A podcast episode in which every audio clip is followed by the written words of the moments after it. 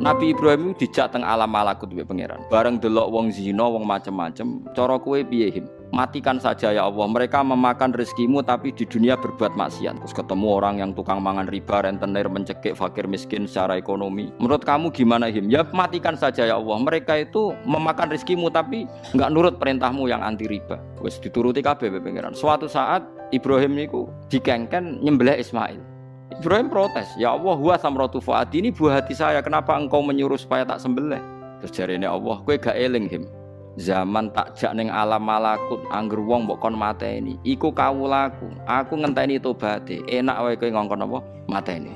Aku yo tersinggung, iku kawulaku, aku ngenteni tobaté kok malah mbok kongkon mateni. Tak turuti ra tak pikir.